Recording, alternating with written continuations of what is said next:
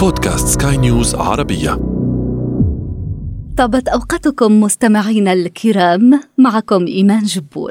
أينما كنتم أرحب بكم في بودكاست الحياة رواية. عندما يخدع الرجال عنواننا في هذا العدد. وأذكركم أنه بإمكانكم الاستماع لكافة حلقات الحياة رواية على منصات جوجل وأبل وسبوتيفاي وغيرها من منصات. متابعة طيبة الحياة رواية كم مرة هزمتنا الخيانة دون قتال، لكن الخيانة لا تزدهر، لأنها إذا ازدهرت فلن يجرؤ أحد على تسميتها خيانة، كما قال الكاتب الإنجليزي جون هارينتون. عبارات حكيمة، لكنها لا تهون من قدر المصيبة. نحدثكم عن أشهر الرجال المخدوعين في إبداعات الأدباء. You have secrets from me. If only he'd go away. People don't just go away. Not if the going away is an accident. I can't stand on being with you. في عالم الأزواج المخدوعين هو من أشهر الشخصيات الأدبية كامي غاكان زوج تيريز راكان بطلة الرواية التي تحمل اسمها وتوقيع الأديب الفرنسي إيميل زولا. دراما عاطفية قوية رواية نفسية مزلزلة تدور أحداثها في النصف الثاني من القرن التاسع عشر. كامي كان قريب تيريز قبل أن يصير زوجها. تربت ونشأت معه في نفس البيت لكنها لم تحب قط هذا الرجل عليل الصحة. وضعيف الشخصية الذي يعتمد على أمه في كل شيء ومع ذلك تتزوج منه بإيعاز من عمتها تتقبل قدرها إلى أن يأتي اليوم الذي تقابل فيه لورون صديق زوجها لكنه أيضا نقيضه التام وبين تيريز ولورون يولد شغف مدمر يجردهما من كل وازع أخلاقي ويقودهما إلى تصفية كامي عبر إغراقه خلال رحلة على متن قارب لكن بدلا من أن تخلو الطريق للعاشقين ويهنأ بحب بعضهما تنقلب عليهما مؤامرة الغدر وتقودهما إلى حافة الجنون والهلاك. أقرأ لكم من الرواية بتصرف.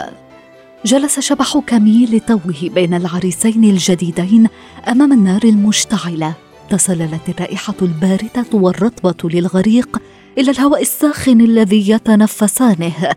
اخبرا نفسيهما بوجود جثة بالقرب منهما.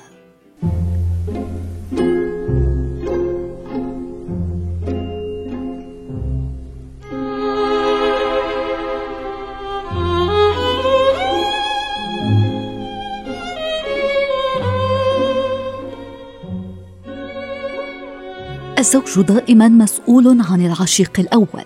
كما نقرأ في هذه الرواية. قد تكون ثنائية الزوج والعشيق كلاسيكية للغاية في الأدب لكن سياقها في رواية الزوج الأبدي ليس كذلك. بأسلوبه المميز يقدم لنا الأديب الروسي فيودور دوستويفسكي تحليلا نفسيا مثيرا للشخصيتين الرئيسيتين بافيل بافلوفيتش وفيلتشانينوف وبين الرجلين وذكرى امرأة متوفاة طفلة تبلغ من العمر ثمان سنوات. ليزا المضطربة نفسيا والتي لا ندري أي من الرجلين هو والدها البيولوجي. كل العناصر ملتئمة لكوميديا تراجيدية. لكن دوستويفسكي هو قبل كل شيء سيد الوصف النفسي للشخصيات. وذاك بيت القصيد في هذه الرواية. يتعلم المرء كثيرا من أمور عن أعراف روسيا ما قبل الثورة وعن أولئك النساء اللائي قررن عدم الاستسلام للزيجات الاتفاقية التي عشناها.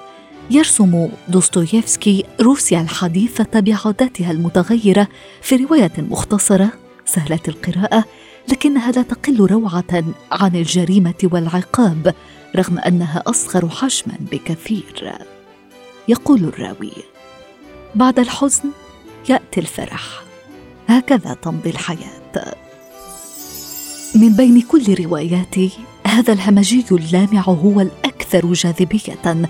يقول الكاتب الروسي فلاديمير نابوكوف في مقدمة روايته ملك سيده خادم. في إحالة على ثلاثي هذه الرواية الزوجان البرجوازيان كيرت ومارثا درير وفرانز قريب كيرت. الشاب القروي الفقير يصل لتوه إلى العاصمة. عندما يقرع جرس القصر الفخم الذي يظهر عنوانه على الورقة التي أعطته والدته لم يكن فرانز ليتصور أن السيده خلف الباب هي نفسها تلك الحسناء الثلاثينية التي كان ينظر إليها بإعجاب في مقصورة القطار المتوجه إلى برلين. هذه الأخيرة تضمر إغواء فرانس لشغل فراغها لكن تدريجيا لم تعد الخيانة الزوجية كافية بالنسبة لمارثا التي صارت مهووسة بفكرة التخلص من زوجها وفرانس الأخرق غير قادر على تحرير نفسه من مخالب عشيقته التي تتلاعب به كيفما يحلو لها. فهل يقدم طائرا الحب على تصفية الزوج المخدوع للاستيلاء على ثروته؟ يبقى التشويق سائدا حتى الصفحة الأخيرة تقريبا. فبمجرد أن تحسم مارثا خطتها لقتل زوجها تبدأ الأقدار الغريبة والطريفة في الوقوع قبل أن يقدم لنا نابوكوف خاتمته المذهلة. رواية مثيرة ترسم الخطوات الصغيرة المترددة لمغامرة خيانة زوجية في ألمانيا عشرينات القرن الماضي. الحياة رواية. وفي ختام هذا العدد أشكر لكم وفاءكم وطيب إصغائكم مستمعينا الكرام. بإمكانكم تحميل هذا البودكاست عبر منصات أبل وجوجل وغيرها حيث بإمكانكم أيضا ترك آرائكم وتعليقاتكم ومقترحاتكم. كنت معكم أنا إيمان جبور. يتجدد لقاؤنا في العدد المقبل.